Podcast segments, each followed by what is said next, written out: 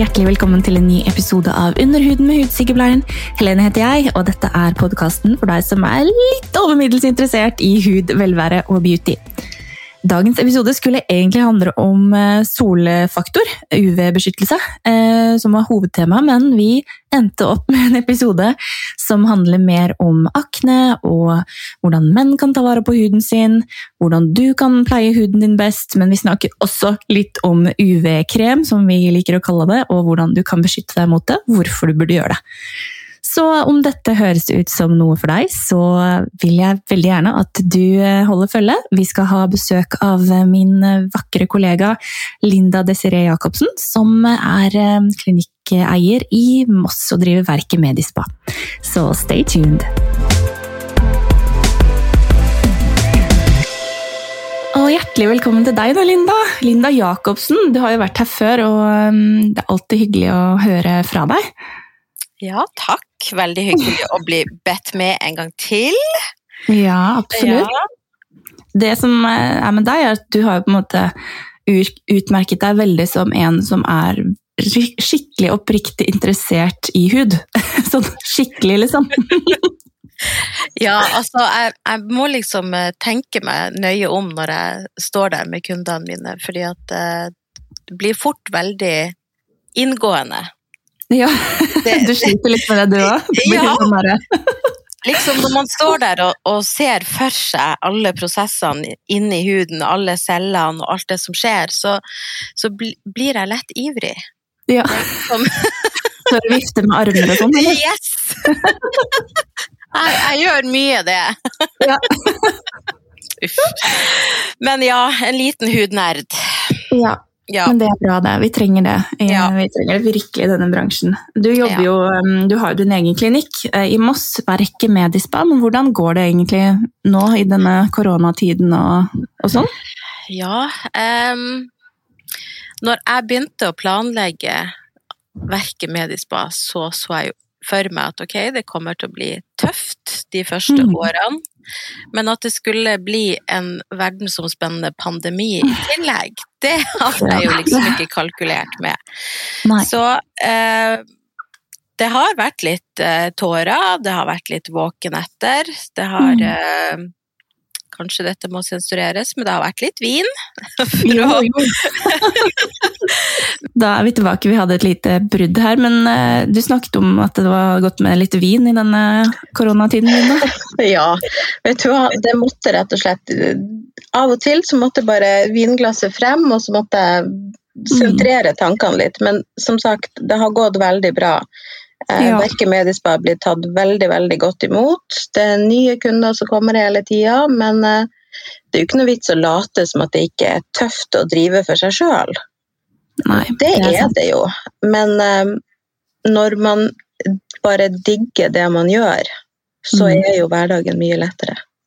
Ikke sant. Ja. Det er jo et givende yrke vi har. Absolutt. Mm, det er det. Men um, deg selv, da. Hvordan ble du egentlig så interessert i hud og hudpleie og den biten? Det, jeg har egentlig alltid vært opptatt av hud i mye større grad enn jeg har vært opptatt av makeup. Har aldri, aldri vært noe flink med sminke og er fremdeles ikke det. Eh, men eh, det begynte kanskje som for ekte når eh, den ene sønnen min begynte å bli litt plaga med huden. Mm. Og eh, vi ikke fikk det helt til. Vi kom liksom ikke i balanse. Vi prøvde, prøvde, altså vi prøvde alt. Jeg var den der klassiske mammaen som gjør mm. alt for barnet sitt. Å gå på apoteket og kjøpe Altså søke alle de gode rådene. Og, og, vi kom liksom ikke i mål, og jeg ville ikke at han skulle gå på en heftig ISO-kur. Eh, så det begynte vel egentlig da at jeg begynte sånn på ekte å skjønne at hudpleie handler om ingredienser. Det tror jeg ikke mm. egentlig jeg hadde skjønt før da, og det er kanskje ja, åtte år siden. Ikke sant. Mm. Ja, det, det, er jo nettopp det. Um, og man kan jo søke så mye råd man vil, men det er ikke alltid man kommer i mål med det, rett og slett. Enn du? Jo, um, Altså, det begynner jo faktisk litt i det samme. Egne problemer, rett og slett. Eh, Så jeg har jo hatt kviser og akne siden jeg var tenåring. Tidlig tenåring. Um, og har det jo fortsatt, eh, i en viss grad. Jeg har ikke liksom kommet 100 i mål med huden, men det, det skjedde jo noe når etter jeg hadde gått på videreutdanningen og begynt å forstå, som du sier, da, dette med ingredienser og hva det er som faktisk kan fungere, og han som ikke gjør det. Da kommer man seg jo et steg videre. Eh, Så det er jo veldig fint. Men det er jo litt den derre å, ønsker å, ønsker å hjelpe andre som sliter med det samme. Oi, der blir stemmen litt sånn morgenkaffe. Ja. Klokka er jo liksom fem over ni, så det er litt tidlig. Det er tidlig. Ja, nei, det er det, altså. Det som, Men- er, det som er veldig godt, det er at eh, for meg så har det alltid vært viktig å være helsepersonell. Ja. Det, altså når jeg begynte på videregående back in the good old days, så heter det hjelpepleier det jeg gikk. Sånn at jeg er Ja. hjelpepleier først, og jobba som det i mange år. Og så gikk jeg sykepleien, og så har jeg gått noe videreutdanning innenfor ledelse. Og så begynte jeg jo på det med hud. Mm. Eh, sånn at for meg å være en helsepersonell, det ligger liksom i margen på meg. Mm. Og når jeg skulle gjøre noe, noe annet, så visste jeg at jeg måtte få lov til å fremdeles være sykepleier. Ja. Og det er det som er så godt, eh, at jeg føler det hver eneste dag, at jeg bruker den grunnutdannelsen min. Mm. Den som jeg liksom Faktisk. har. Mm. Men med det hviler det jo også et enormt ansvar, tenker jeg, eh, Mm. og en tyngde, eh, og liksom så mye mer enn eh, enn hva kanskje man får altså, altså De selger jo gode hudpleieserier på Kikse, og det er ikke det, men det er liksom da har man jo gått et produktkurs. Mm. Da tenker jeg Hvis en kunde kommer og kjøper det, og nei, det funka ikke, så har man jo ikke så veldig mye man trenger å, å stå til ansvar for som selger, men det føler jeg vi har eh, i en klinikk. Og altså, det å skulle følge en pasient fra, fra start til mål er jo kjempegøy, men det, det hender jo man møter på utfordringer på veien der også. Uten tvil. Og de som jeg kanskje gir bort mest til, er vel egentlig de som sliter med akne. Mm. Eh, For det er de jeg så gjerne vil få til å hjelpe Mm. for å slippe å gå på de heftige kurene. Og det er vel de som jeg ligger mest våken på natta og tenker på òg. Det er noe av det vanskeligste egentlig jeg jobber med, for det er så mange faktorer som, Det eh, som må på plass. Mm. Uh, og, ja, og det preger et liv i så stor grad. Det preger en hverdag. Uh, sånn at um, det er nok de som får mest gratis av meg. ja. Det er, det, blir, det er der det blir at vi prøver det her, eller ta med deg den her, eller nei, det her skal du ikke betale for, eller For jeg får vondt meg over at vi ikke kommer i mål, ikke sant? Jeg har det på akkurat samme måten, og det er jo Det er jo liksom Vi er jo kanskje litt snille noen ganger, fordi det er jo ofte sånn at jeg, altså, Sist eh, for fire-fem uker siden så gjorde jeg en sånn legekonsultasjon på, over nett da, gjennom en sånn app, og på grunn av noe øyelokkseksem. Eh, og liksom nå, seks uker senere, har jeg fortsatt ikke kommet i mål. Jeg må like fullt betale akkurat like mye for å få en oppfølgingstime. Men jeg tenker, det hadde ikke skjedd hos meg. Nei. Hva sa du da? Ikke hos meg heller. Nei, ikke hos meg heller. Du, da kommer du, og, og sikkert drar du hjem med noen ting som du ikke har betalt for. Fordi her tenker jeg at nå skal vi bare prøve det her. Ja, Ikke sant. Det er dårlig business, da. ja Selv ja, det er det er dårlig. greiene. God Men det- karma, men dårlig business. Ja. Men nei, sånn er det. Men eh, Sånn. senest i går så fikk jeg en melding på Instagram av en jente som bare hun sa nå har jeg scrollet meg gjennom masse hudpleiekontoer, og jeg bare følte for å skrive til deg. Jeg føler meg så stygg og fæl at det går utover livskvaliteten min, og hun hadde mye akne. Jeg tenker det er jo Hun, liksom, hun vegret seg for å gå ut av huset eh, og møte mennesker. Jeg tenker Det er jo en vanvittig eh, psykososial påkjenning. Ja. Helt, helt enorm. Mm. Mm. Mye mer enn folk tror, tror jeg. Ja. Og det er, det er vondt når det kommer inn et menneske som har eh, hetta på genseren så langt over ansiktet at jeg ikke ser øynene deres Mm. når de er kommet seg inn på behandlingsrommet. Eh, Fordi at de, de skjemmes så over huden sin, de vil ikke vise det til noen. Og så er det en sykdom. Det er jo en sykdom. Det er jo ikke, du kan jo ikke følge det sjøl. Det, det er det som er Det er det. Og det, det bunner jo, som du også sa, stort sett liksom i dette med genetikk. Mm. Og det er ikke alltid man kommer i mål. Og jeg vet ikke om du har sett hun derre Emilie Næreng, eh, hun Voe eh, som var med i Skal vi danse i forfjor, tror. Ja. Hun har slitt jo også mye med akne, hun står jo frem nå og viser det frem og sier du, jeg har prøvd alt, og jeg har gått på ISO, og jeg spiser kjempesunt. Altså, Mm. det, det blir ikke bra likevel. Jeg syns det er veldig bra at noen viser frem den siden ved det, for det er, det er rett og slett ikke sikkert at man kommer i mål. Ja, jeg syns det er veldig bra at det blir mer fokus på det. At, eh, Mm. at man kan vise en vanlig hud. Og det er noe av det jeg sier ofte òg, at en, altså når vi får din hudtype i balanse, så, så skal vi egentlig være fornøyd. Altså, når du har hudtypen din i balanse, så skal den egentlig klare seg sjøl. Da skal vi bare inn med litt grann hjelp og vedlikehold, men det er det vi må jobbe mot, å komme i balanse for den Mm. hudtypen som du har. Også Noen har litt større porer, og noen har litt mer talgproduksjon, og noen er, er veldig sensitive. Men hvis man bare klarer å normalisere det, Mm. så er det på en måte det man må ha som hovedfokus. Og hvis man begynner med alt mulig annet som også vi jobber med, så Mm. tenker jeg at man begynner i feil ende. Ja. Det er ikke alltid det er eh, best å gønne på med med mikronidling og laser fra første stund. Du, man må liksom vi må, vi må se her, hva gjør vi først med de vanlige rutinene dine? Mm. Det, det, blir, eh, det, det nytter jo ikke å gjøre en laserbehandling eh, hvis du ikke har gode renserutiner i bånn. Ikke sant? Det, du du- Du som meg stiller sikkert en million spørsmål til disse menneskene når de kommer inn, for å liksom finne ut av hva er det som er triggerpunktet her, hva er det som, som eh, er i bunn, Hvor, hvordan kan vi bryte sirkelen, liksom. Men eh, jeg har jo en del yngre menn, eh, rett og slett, som kommer inn og, og sliter eh, veldig. Hvordan er din approach til de? Eh, jeg har ikke så veldig mange ut av de, men jeg har noen. Eh, og ja, under 20. Mm. 15 og 20 stykker har jeg ut av de, de yngre menn.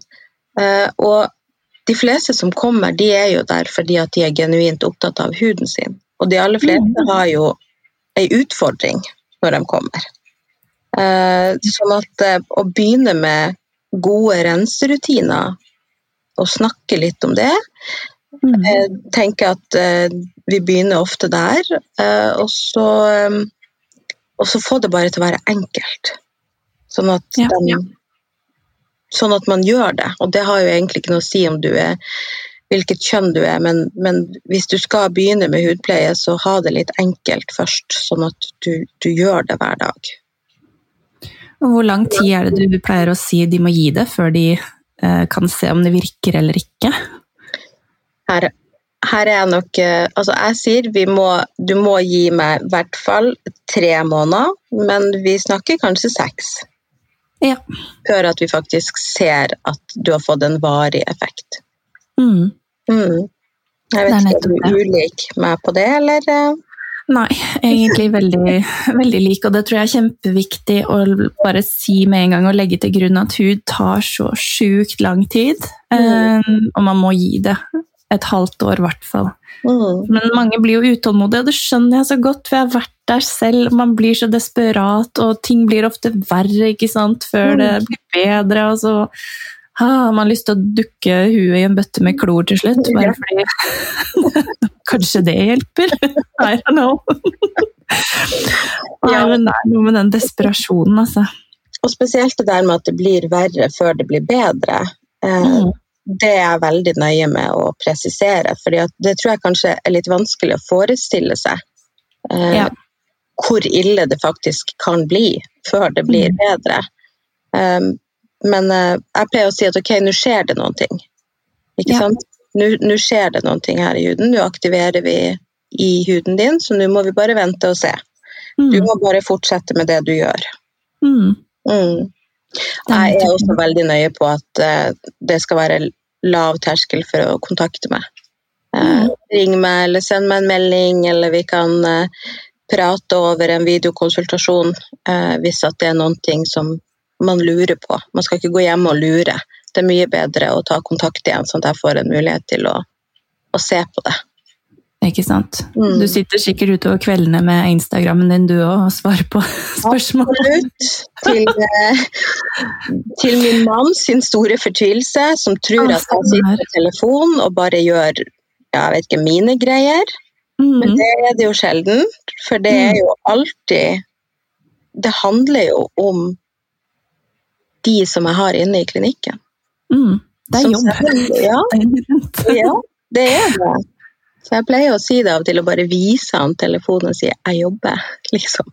Ja. Det er, ikke, det er ikke min Facebook, det er ikke min Instagram. Jeg har ikke privat Instagram lenger.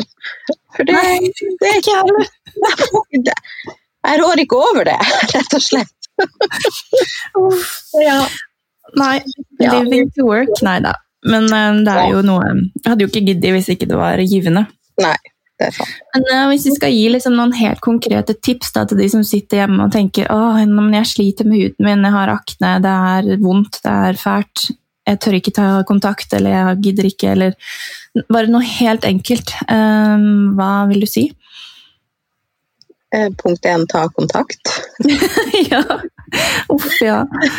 Og, og det er så viktig å komme til eh, noen som kan bruke aktive ingredienser, for hudpleie handler om ingredienser. Det handler ikke om, om merket som står utpå eh, tuben. Nei. Det handler om faktisk innholdet i tuben. Så ikke se deg blind på hva en influenser sier til deg at de bruker på sin hud, eller eh, det du ser på reklame skal være bra. Fordi Mm. at, eh, det handler om å finne ut av hva er det som gjør at din hud reagerer og ser ut sånn som den gjør. Mm. Eh, og det som funker på kameraten din, er ikke sikkert funker på din hud. Nei. Så det aller viktigste er å få identifisert hva er det som gjør at du har det sånn som du har det. Og så må Mm. man finne ut av hvilke ingredienser som hjelper imot det. Ja. Så må vi finne produkter som inneholder de ingrediensene. Nettopp. Og da er det jo ofte en kombinasjon av at man har mye olje i huden, så man må finne noe som kan dempe oljeproduksjon. Og Mm. man har aknebakterier, så man må finne noe som kan ta litt knekken på det. Mm. Og man har ofte liksom inflammasjon, da, at man har rød og man er hoven og huden er irritert. Man må finne noe som kan dempe det. Og da er det jo sjelden det er én krem som gjør alt, eh, dessverre. Men, men vi har veldig gode verktøy. I, eh, begge vi har det, men det, det er det faktisk noen som har spurt litt om også. Hvordan skal man liksom navigere blant de ulike hudpleiemerkene? Jeg tenker det, det samme gjelder jo oss. Hvordan mm. gjør vi det? Hvordan navigerer du ut ifra hva du ønsker å jobbe med i klinikken din? Liksom? Jeg syns, eh, det var veldig vanskelig når jeg først starta, fordi at det finnes Mm. så ufattelig mange eh, merker, og veldig mange merker er gode i dag. Ja. Det ligger eh, mye forskning bak. Eh, og i tillegg så vet vi liksom, vi vet jo hvilke ingredienser som, som virker mot hva. Så det er jo ikke hemmelighet lenger. Eh, men det er å finne den ultimate tilnærminga også, da, tenker jeg. Sånn at litt ut av måten som brandet tilnærmer seg mennesket og huden på, er kanskje det som tiltaler meg nå. Ja, for det er jo stort sett dette med så brandet sin filosofi eh, og, eh, og formulering. Eh, Mm.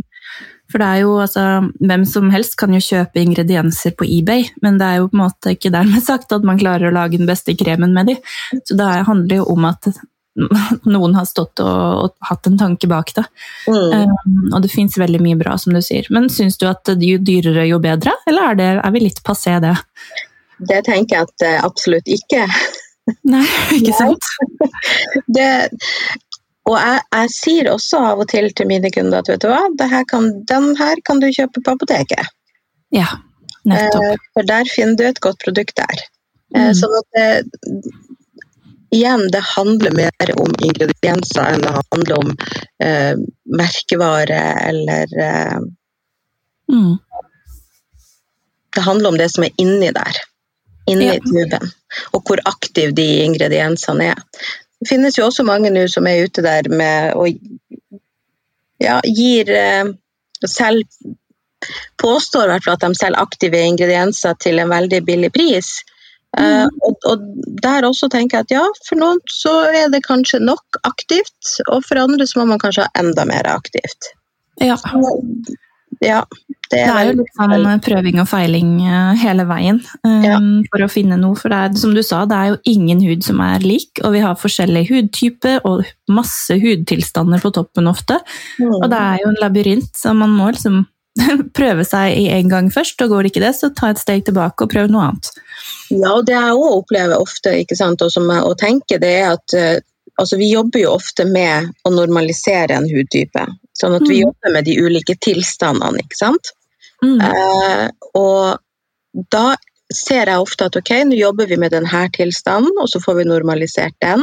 Og så må vi jobbe med den andre. Noen kan man Mm. jobbe med parallelt, men veldig ofte så ser jeg at man må sjonglere. Rensen er veldig ofte det samme, toneren er veldig ofte den samme, men serum og krem, der bytter jeg ofte. Eh, når du har gått Mm. gjennom den ene krukka der, så kanskje da er vi kommet i mål med det den kunne gjøre. Nå må vi kanskje gå over på neste. Ikke sant? Mm. Mm. Det er nettopp det. så har du jo de som har en flawless hud og som egentlig klarer seg veldig fint. De kan jo Mhm. gå på den samme lenge, men, men ofte ser jeg at vi må bytte litt. Ja. Mm. Ja, heldige er de som har en flawless hud. Ja, heldige er de. ja, Mm. at det er mange som kommer og, og har en flawless hud, men som også liksom påpeker nei, jeg har noen problemer der og der. Da må jeg nesten påpeke at det har du ikke. Nei da, du skal få lov å synes det, men du har ikke det.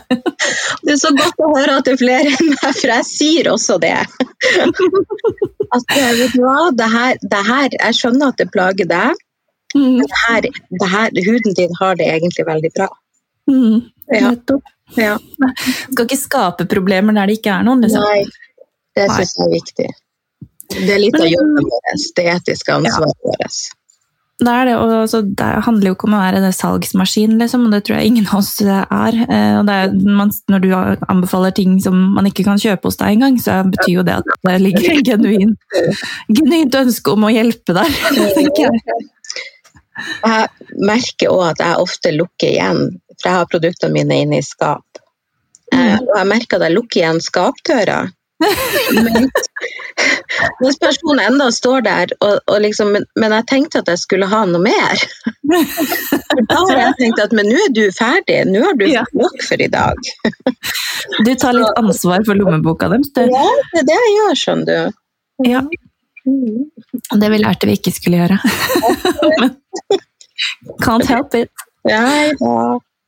Ah, Men dette her med, liksom, nå har vi snakket litt om akne, det er jo kjempebra. Noen av spørsmålene vi fikk inn på Instagram handler jo også om det. Eh, Blant annet dette her med um, hva kan gjøres med store porer? Det er det veldig mange som er opptatt av. Eh, Og det er jo sikkert fordi at eh, porer blir airbrusha ut av de fleste reklamebilder, så folk tror ikke det er normalt. Men hva, hva tenker du om det poreproblemet, holdt jeg på å si? Nei, altså vi må jo bare begynne å se på de rundt oss, for vi har jo porer alle sammen. Det er jo helt normalt. Og så lenge du har en sunn og frisk hud, så er det jo ikke noe problem. Nei, det er ikke det. Jeg forstår at de som, de som har det å leve med det, syns det er veldig problematisk når du ser på andre, som du sier på bilder som er airbrusha, der det ser ut som at man ikke har en pore i det hele tatt, men det er jo det huden din har. Det er jo et, den poren har jo en oppgave. Den har jo, et, den, den har jo en funksjon i huden din. mm, Sånn at uh, vi kan ikke få de vekk. Og, Og alle de som sier at uh, man kan liksom fjerne porer, det går jo ikke an. Nei, det, det er litt dumt. og Rett og slett det er villedende markedsføring. Rett og slett. Det eneste som kan eh, krympe en pore, er hvis den pora er stappfull av eh, gunk fra før, og man får det opp ved f.eks. en god salicylsyrerens eller en toner. Salicylsyre er jo det som kan på en måte gå ned i pora og, og rense ut denne oljen, da. Men eh, annet enn det, så, så må den nesten være der, altså. Det viktigste er jo å holde huden ren. Så Mm. bruk en god rens, og bruk litt tid på rensen din, sånn at faktisk ingrediensene får lov til å gå inn i huden og gjøre det de har meninga at de skal gjøre. Ja, ikke sant? Skumme i kanskje én eller to minutter. Sånn. Jobb med dem, sånn at ingrediensene blir aktivert, og at de får gjort den jobben de skal i huden. For det hjelper ikke å bare kaste det på og så gnikke og gnu i to og et halvt sekund, og så skjølle av igjen. Man må se for seg at ok, nå skal de her ingrediensene inn i huden min.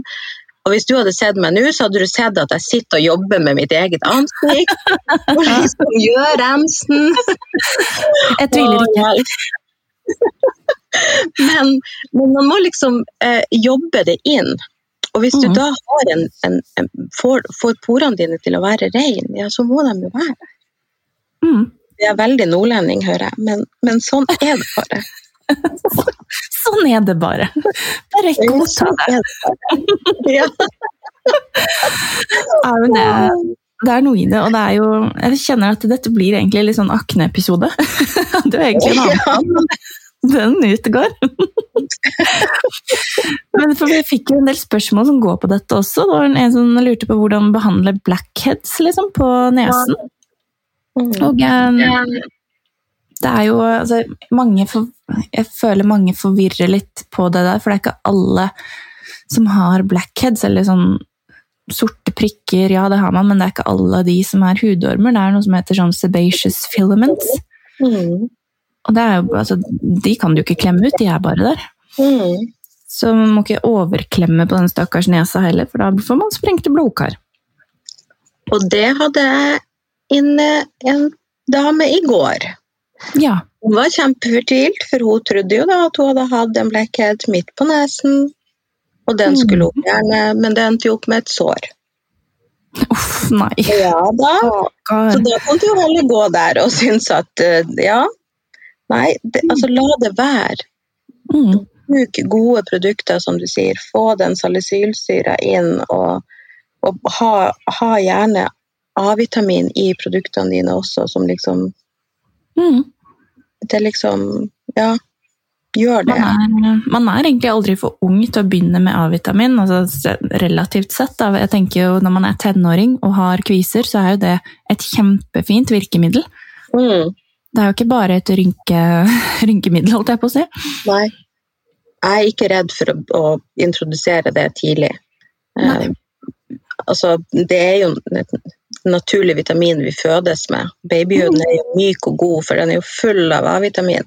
Mm. Eh, Sånn at, eh, og ungdommene tåler det jo ofte bedre enn hvis jeg og du skulle ha begynt på det nå. Vi hadde jo Ja. mest sannsynlig fått en reaksjon hvis vi skulle ha begynt på det nå, mens en ungdom tåler det jo i mye større grad. Så eh, ja, Bare å kjøre på. bare kjør på, men ikke press på de der blekkhetene. Kom nå heller innom. Hallo, Lene! Kan vi og se? kanskje vi kan ta den ut, men ikke klem på den. Nei, og ikke kjøp sånne pore suction devices heller, for det Da kan du i hvert fall lage blodkar. Ja. Og ikke de der maskene der du river av heller. Nei, det er eh, heller ikke så veldig gunstig. Nummer én, altså det funker jo ikke. Eh, kanskje du får ut én, liksom, men du river jo av en del av overhuden din i samme slengen. Da kan du få litt pigmenter og annet snadder. Mm. Noe nytt jeg fikk med meg også som verserer på TikTok nå, som da selvsagt retter seg mot ungdommene, det er å sette sånne store gnagsårplaster Ja, det har jeg sett. Ja. Det ser jo, altså, jeg har jo sett noen hudleger også si at det kan virke. Det virker jo egentlig litt interessant. Hva tenker du? Kanskje jeg er altså- veldig optimistisk? Nei, eh, jeg, jeg har sett det fra, fra hudlegeperspektivet òg. Jeg tenker at ja da, det skal jo på en måte normalisere huden, men det, de gnagsårplastene er jo laga for at de skal sitte på. Eh, Mm. og jeg ble informert om i går, da var det i hvert fall at det ble satt på på nesen og pressa godt inn så det skulle sitte godt, og så skulle det da rives av. Nei, uff. Og det er da du har misforstått poenget med det, ikke sant? Ja. Eh, Fordi at da blir det jo i hvert fall feil, for de plastene sitter jo ganske godt. ja, de sitter jo ofte mange dager, og det er jo, de blir jo lagt på for å dempe inflammasjon i et gnagsår. Eh, Så du kan jo gjøre det for en kvise òg, men da vil jo også tette til all hud i området rundt, så da kan jo hende du får noen nye, da.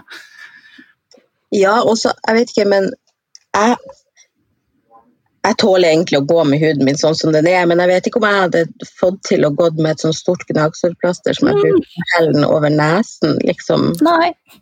Nei. ut på butikken og sånn. Det vet jeg ikke helt om jeg hadde gjort, og så begynner det å løsne litt i kantene, og så Nei, det Nei, vet du hva? En god, jeg slår et slag for, eh, for andre måter å komme til bunns i problemet på.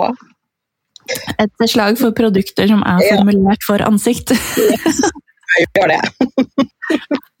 Ja, for hadde det vært en, en sånn breakthrough technology, så hadde det vel sikkert vært i bruk allerede. Det fins jo, jo sånne akneplaster, eh, sånne Mhm. bitte små, men jeg tror ikke det er samme teknologi i dem, men det, det fins jo i hvert fall noe man kan putte på, sånne stjerner og hjerter og sånn. Det er sånn litt sånn K-beauty. Mm. Mm. Men ja, det fins. Ja da. Gjør det. Men liksom det her med Det er jo noen som spør om hvordan bør menn ta vare på huden. Syns du det er noe forskjell eh, fra kvinner og menn? Hvordan man skal ta vare på den? Nei, jeg syns ikke det. Nei. det. Jeg har menn hos meg som har fire, fem og seks steg i sin hudpleierrutine. Og så Mhm. har jeg noen menn som eh, må ha det veldig enkelt og tåle én rens og én krem og solkrem. Ja. Eh, men eh, det er jo ikke noe forskjell, det er jo en hud. Det, det som kanskje er mest forskjell, er jo at menn ofte har en grovere tekstur enn vi damer har. Mm. Sånn at eh, de tåler mer, eh, og kanskje litt mer avhengig av en ja, litt, litt, eh, litt hardere rens. Men Mhm. samtidig så er det jo mange menn som også har yrker der de eh, jobber mye ute, ikke sant, og kanskje blir litt mer sensitivisert. Mm. Så igjen, det er så individuelt, men en hud er jo bygd opp på samme måte, uansett om det er en kvinne eller en mann. Ikke sant. Menn har jo mer androgene hormoner, da, så man har kanskje mer eh, oljeproduksjon. Mm. Men igjen, som du sier, med rens og, og tilpasning, så er jo det noe man kan ta høyde for. Mm. Så nei, det, altså, jeg syns flere menn burde bli litt flinkere til å ta vare på huden sin, for selv om de kanskje eldes litt, eh, jeg vet ikke, bedre enn kvinner, kan man si det sånn. Ja, Se litt på George Clooney, han er jo smoking hot, selv om han snart nærmer seg, jeg vet ikke, 70? Nei. ja altså, vi må jo bare innrømme det, at sånn er det bare. Mm. Sånn er det, men likevel, eh, og like fullt, så kan um, huden til menn få liksom, sykdommer, kreft, eh, altså alle sånne ting som vi faktisk kan forebygge, da. Med Mm. annet A-vitamin og ikke minst solkrem og sånne ting. Mm. Mm. Og i tillegg så sitter jo veldig mange nå og jobber foran skjerm, eller det å bruke skjerm er jo blitt helt hverdagslig. Man sitter jo med telefonene sine også ganske nært opp i ansiktet sitt. Mm. Og der også kommer det stråler som faktisk skader cellene dine. Eh, Mm. Så den solfaktoren Og det er så dumt ord, egentlig. Jeg vet det. Folk Eh, forbinder det bare med sol. ja, med stranda, egentlig, ikke sant? Ja. Sånn at eh, det, det Jeg vil egentlig ikke si det, men, men at man bruker en UV-faktor som beskytter deg både mot strålene som kommer fra skjermer og fra lyset. Mm. Sånn at selv om du er inne en hel dag, hvis du sitter med ansiktet foran en skjerm og mot et vindu, sant, så er strålene der. Mm. Eh, Så det må vi være Det er liksom Det syns jeg vi må bli flinkere å få ut, da. Hvor viktig det er å bruke den faktoren hver eneste dag hele året. Det er det, men eh, altså, jeg tror folk skipper det i stor grad fordi de ikke forstår viktigheten av det. og Man kan jo eh, si det gang på gang på gang, men det kommer jo an på Man må jo ville det selv for å gjøre den endringen. Men det er jo litt sånn med oss mennesker at hvis det er en, en, trussel eller noe vi ikke kan se, så blir vi litt sånn Nei, det går sikkert bra. eller? Mm. Mm. Ja. Men uh, det hender jo å ha litt sykepleiere på besøk på benken, da, faktisk. Uh, og når uh, de ikke har lyst til å bruke UV-krem, så sier jeg at hvis du skal følge med noen på røntgenlaben, tar du på deg vesten da, liksom? Hvis du skal stå ved siden av røntgen, så sier de ja, selvfølgelig. Jeg bare, ja, men da beskytter du deg mot en stråle du ikke kan se. sånn. Mm -hmm. Ja, vi vet jo hvor jeg vil. jeg begynner å ane konturene og hvor du vil hen. Ja. ja. Og det gjør de også, da. Så da, da forstår de jo at ja, men UVA-stråler, det har vi hele året. Det kommer gjennom eh, skyene og glass, og det elder huden, og det kan føre til mye ræl. Så mm. ja, UV-krem. Kan vi bare begynne å kalle det det, så ser vi om ja. Norge følger etter? vi begynner med det. Ja. Fra i dag så heter det bare UV-krem. Ja, nei, jeg er enig med deg, Helene. Det er Jeg skulle ønske det kunne være mer fokus i media på det. At de kunne hjulpet litt til.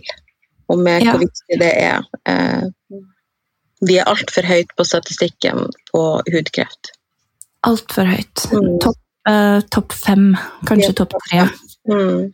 Både i forekomst og dødelighet. Det er unødvendig. Fy fader. Og det er liksom sånn andre land på den lista er type Australia, eh, så der er det jo vanvittige mengder sol, eh, men også UVC-stråler. Men jeg tenker vi nordmenn får jo dette fordi vi er fantastisk teite eh, i forhold til sol, mm. og ikke klarer å håndtere den. Så når den titter fram til påske nå snart, så setter vi oss ut i veggen og 'Å, dette var godt', og tar oss en øl og sitter der og koser oss i sola til vi blir røde, for rød blir til brun, gjør det ikke det? ja, det er en tror, og noen blir jo ikke bare rød, noen blir jo lilla på nesen ja. og på ørene. De blir jo så brent.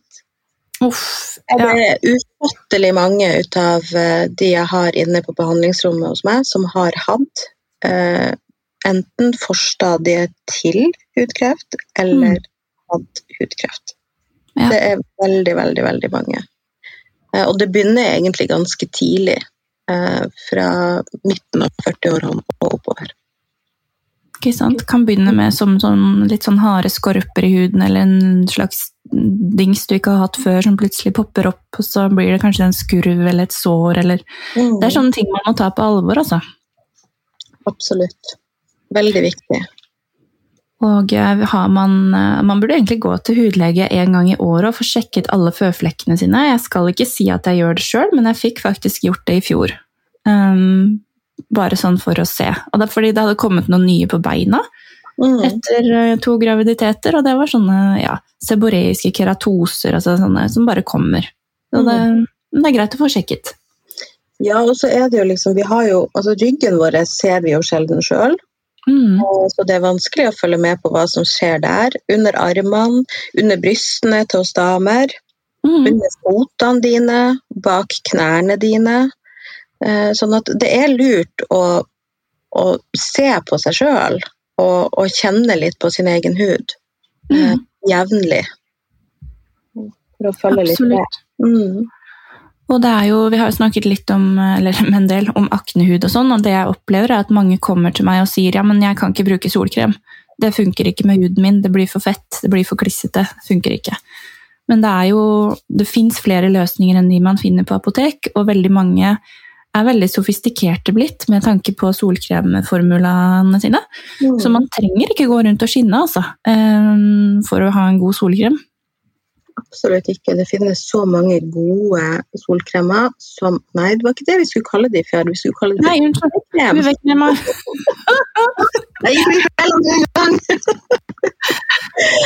ja, det finnes så mange gode UV-kremer som du egentlig ikke kjenner at du har på. Mm. Eh, sånn at eh, det kan være lurt å, å, å kanskje ta det, altså teste litt rundt. Og gå mm. gjerne inn på en klinikk og få med deg en tester hjem. eh, få kjent litt på hvordan det føles. Eh, og også noen på apotek er faktisk eh, veldig bra. Eh, Sjekk over at det står non-comedonic. Da Mm. tetter den ikke til porene dine, spesielt hvis du har en, en hud som har tendens til å tette seg til. Ikke sant. Og mm, det står jo ofte SPF på flasken, og det står jo for Sun Protection Factor, eh, men det er jo likeledes UVF-faktor. Det er det ordet igjen. Ja, men det er jo på en måte SPF-en står jo egentlig bare for eh, nivået av UVB-beskyttelse. Og UVB-strålene er jo noe som Altså vi har UVA og UVB, og UVB er de kortbølgede, UVA er de langbølgede. Og nå på vinteren, mellom liksom typ eh, ja, eh, september, oktober til mars og april, så står jo solen altfor lavt. eh, Sånn at UVB-strålene kommer ikke til overflaten. Men eh, står det typ SPF eh, 50, så tåler du jo da 50 ganger dosen UVB-stråler enn det du egentlig ville tålt på ubeskytta hud. Men eh, så dosen er jo forskjellig fra når på dagen du er ute. Sånn at det er derfor vi sier at du må smøre deg hver andre time. For den dosen blir brukt opp spesielt mellom 12 og 3. Så, men um, ja, poenget. jeg, har en del, eh, en, en del som jobber i barnehage, Ja, og de smører jo alle barna før de går ut. ja. Og Takk og lov for det. Ja. Men når jeg da sier men smører du deg sjøl òg? Mm. Nei, så gjør de jo ikke det. For det tenker de ikke over. Men Det er liksom noe med liksom setebelte og refleks på oss voksne, altså. Og Ja. UV-krem, tydeligvis. Det trenger vi ikke. Er ikke det rart? Ja, veldig. Åh, Ja. Åh, nei, men eh, uff. Ja. Men altså, UVA-strålene som vi har like sterke hele året, de, de kan man jo også beskytte seg mot via antioksidanter. Mm. Så det er jo også grunnen til at man ofte anbefaler å ha antioksidantserum eller en krem med det i, da, under solkremen. Men eh, altså, ofte så står det jo på disse solkremene at eh, det står UVA, eller bredspektret, med en sånn ring rundt UVA, og det er en fin ting. For hvis det er en ring rundt UVA-merket, så betyr jo det at eh, UVA-en er et minimum av en tredjedel av UVB-beskyttelsen. Men man burde i tillegg ha antioksidanter. Sånn, nå er jeg ferdig med å mæle om det. Punktum, men veldig bra sagt. Nei, jeg må, måtte få inn litt sånn faglig her òg, bare sånn for at det ikke er bare vi som synser. Dette er, eh, man kan gå inn på datens strålevern hvis man vil, altså, for det, det er veldig mye Ja. om dette. Ja. Viktig å ha fokus på, men jeg skal ærlig innrømme, jeg har hatt mine turer i solarium ja, altså, når jeg var yngre. Jeg fikk, jeg fikk det julegave. Jeg fikk sånn klippekort Ah. i julegave når jeg var 13 år, tror jeg. Herlig. Mm. Ja. Det er helt sykt. Men ja, Hva hadde du ønska deg, da? jeg hadde helt sikkert det. Hjemmes Gjemmes når jeg kjører forbi solstudiene her i Moss også, for de finnes jo, de òg. Jeg ble så arg inni meg en gang når jeg så at det var et av disse studiene som reklamerte med at de hadde fått sånn derre um, ja, LED-lys, da, eller sånn um, terapeutisk eh, lys i, i studiene som skulle bedre hudhelsen i ansiktet mens du lå der. Så tenkte jeg fy fader, det, den er på viddene, altså. Åh, ja. ja. Det er mange områder som burde bli strengere regulert innenfor markedsføring. Jeg får vondt i meg når jeg slår på TV-en en kveld og ser alle de reklamene som går over TV-en. Eller når Ja. man er på Instagram eller ja, ser alt det som man utsettes for, så man vet at det her holder jo ikke mål. Nei, det er veldig mye ræl, altså. Jeg skjønner ikke at folk kan stå i det liksom, og, og selge det med god samvittighet, men sånn er det. Kanskje man ikke ser noen mennesker i det hele tatt når man kjøper disse tingene, men ja, nei, nei. Man skal passe seg litt for hva man lar seg bli påvirket av. Og det er jo, altså man, hvis man finner noe morsomt eller noe rart, så send det nå til oss og spør oss om det. Det er jo bare gøy. hvis man finner et eller annet device eller et eller annet eh, Jeg så det var faktisk noen som spurte om sånne eh, ansiktskoster. Er det, eller tørrbørsting eller sånne type ting. Har du noe erfaring med det? Nei, nå er jeg ikke helt sikker på hva du mener engang. Nei, det er sånn derre Det fins Du vet sånn eh, Jeg skal ikke nevne navn, men det finnes jo sånne type um, ansiktsrens um, mm, devices med sånne silikonbørster eller noe sånt Ah. som man Ja. bruker til å liksom skure huden litt med, da, med rens på. Mm. Folk, de koster jo ofte en del penger, og noen av de vibrerer til og med. Man kan liksom, ja, bruke de til å gjøre typ huden ren, da, og de markedsfører seg jo ofte med at man blir ikke ordentlig ren i huden da, uten å bruke disse apparatene. Mm. Og det, mm, det har jeg faktisk gjort en test på her hjemme, eh, hvor jeg på en måte fjernet alt av, um, av sminke med en dobbeltrens først, og så kjørte jeg den der um, dingsen over etterpå. Um, og den fikk ikke av noe mer, for det er ofte det de markedsfører med. At se her, så mye ekstra skit du hadde i huden selv etter du hadde renset. Dette hadde du lagt deg med, liksom. Men det er ikke sånn. Og hvis man renser med en ordentlig god rens, øh, og gjør det ordentlig, så, så får man bort alt, selv bare med, med en klut og dine egne hender. Ja, absolutt. Det, det er noen ut av de der uh, Nå vet jeg jo hva du mener. Uh, Ja. Men uh, noen menn syns kanskje det er lettere. Får du, altså, de, de vibrerer vel innenfor all, antallet altså, minutter òg, ikke sant? Så at du Ja. jobber med produktet lenge nok. Så jeg tenker at i utgangspunktet så er det jo produktet du bruker, altså rensen du bruker, som gjør Mhm. jobben. Det blir Ja. jo bare på en måte istedenfor hendene dine. Ikke sant? Ja. Men får man den ordentlig ren, da? Mellom hver gang? Det lurer jeg litt på. ja, det kan du si. Eller bare gnikker de samme hudcellene inn i Inni, rundt? Nei da. du ser Men- jeg for meg som der, nei, vi kan ikke gå ned en sånn vei. Nei.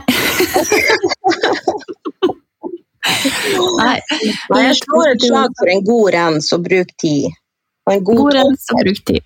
Ja. Ikke sant? Så hvis vi oppsummerer eh, hele episoden litt, så handler det jo om at man burde ta kontakt, ikke sant? Og som du også sier, en god rens, en god hudpleierrutine og antioksidanter og solkrem. Er ikke det ja. Kjapt oppsummert? Kjapt oppsummert er det vi sier hver eneste dag på jobb, men det er jo det det handler om. Det er det. Ja. Har du noen uh, siste tips til, uh, til lytterne på tampen? Nei, det viktigste er bare å ta kontakt. Om du syns det er ubehagelig å komme inn i klinikken, så send oss en DM, eller uh, altså bare ta kontakt på noe som helst vis hvis det er noen ting du lurer på med huden din. Ikke gå og spekulere på det sjøl, og ikke eh, kast bort pengene dine på produkter som ikke virker. Nei. Greit oppsummert, det, altså. Har du sånn der um, bakdør på klinikken din, i tilfelle noen ikke vil gå inn inngangsdøren, liksom? Nei, hos meg er det bare ei dør. Ei dør, ja. Men det går fint, det. Herregud, det er jo, det er jo ikke flaut å gå inn i en hudpleieklinikk lenger. Jeg syns jo ikke det. Nei, og hvis noen syns det er ubehagelig, så si ifra, da. Så får du siste timen. Og så låser vi døra. Du kommer inn og vi låser døra, og det er ingen andre som kommer inn. Og så går du Mm. ut når du er ferdig. Det er Ja. ingen problem. Vi kan ta alle hensyn som, eh, som trengs, rett og slett. Ingen problem. Mm. Ja. Ja, men så bra. Tusen hjertelig takk for tiden din, Linda. Det var bare hyggelig, Helene. Og masse lykke til. Tusen takk. Og til deg også med klinikken og alt sammen. Så, så høres vi igjen en annen gang, vi. Det gjør vi. Ha det. Ha det, da.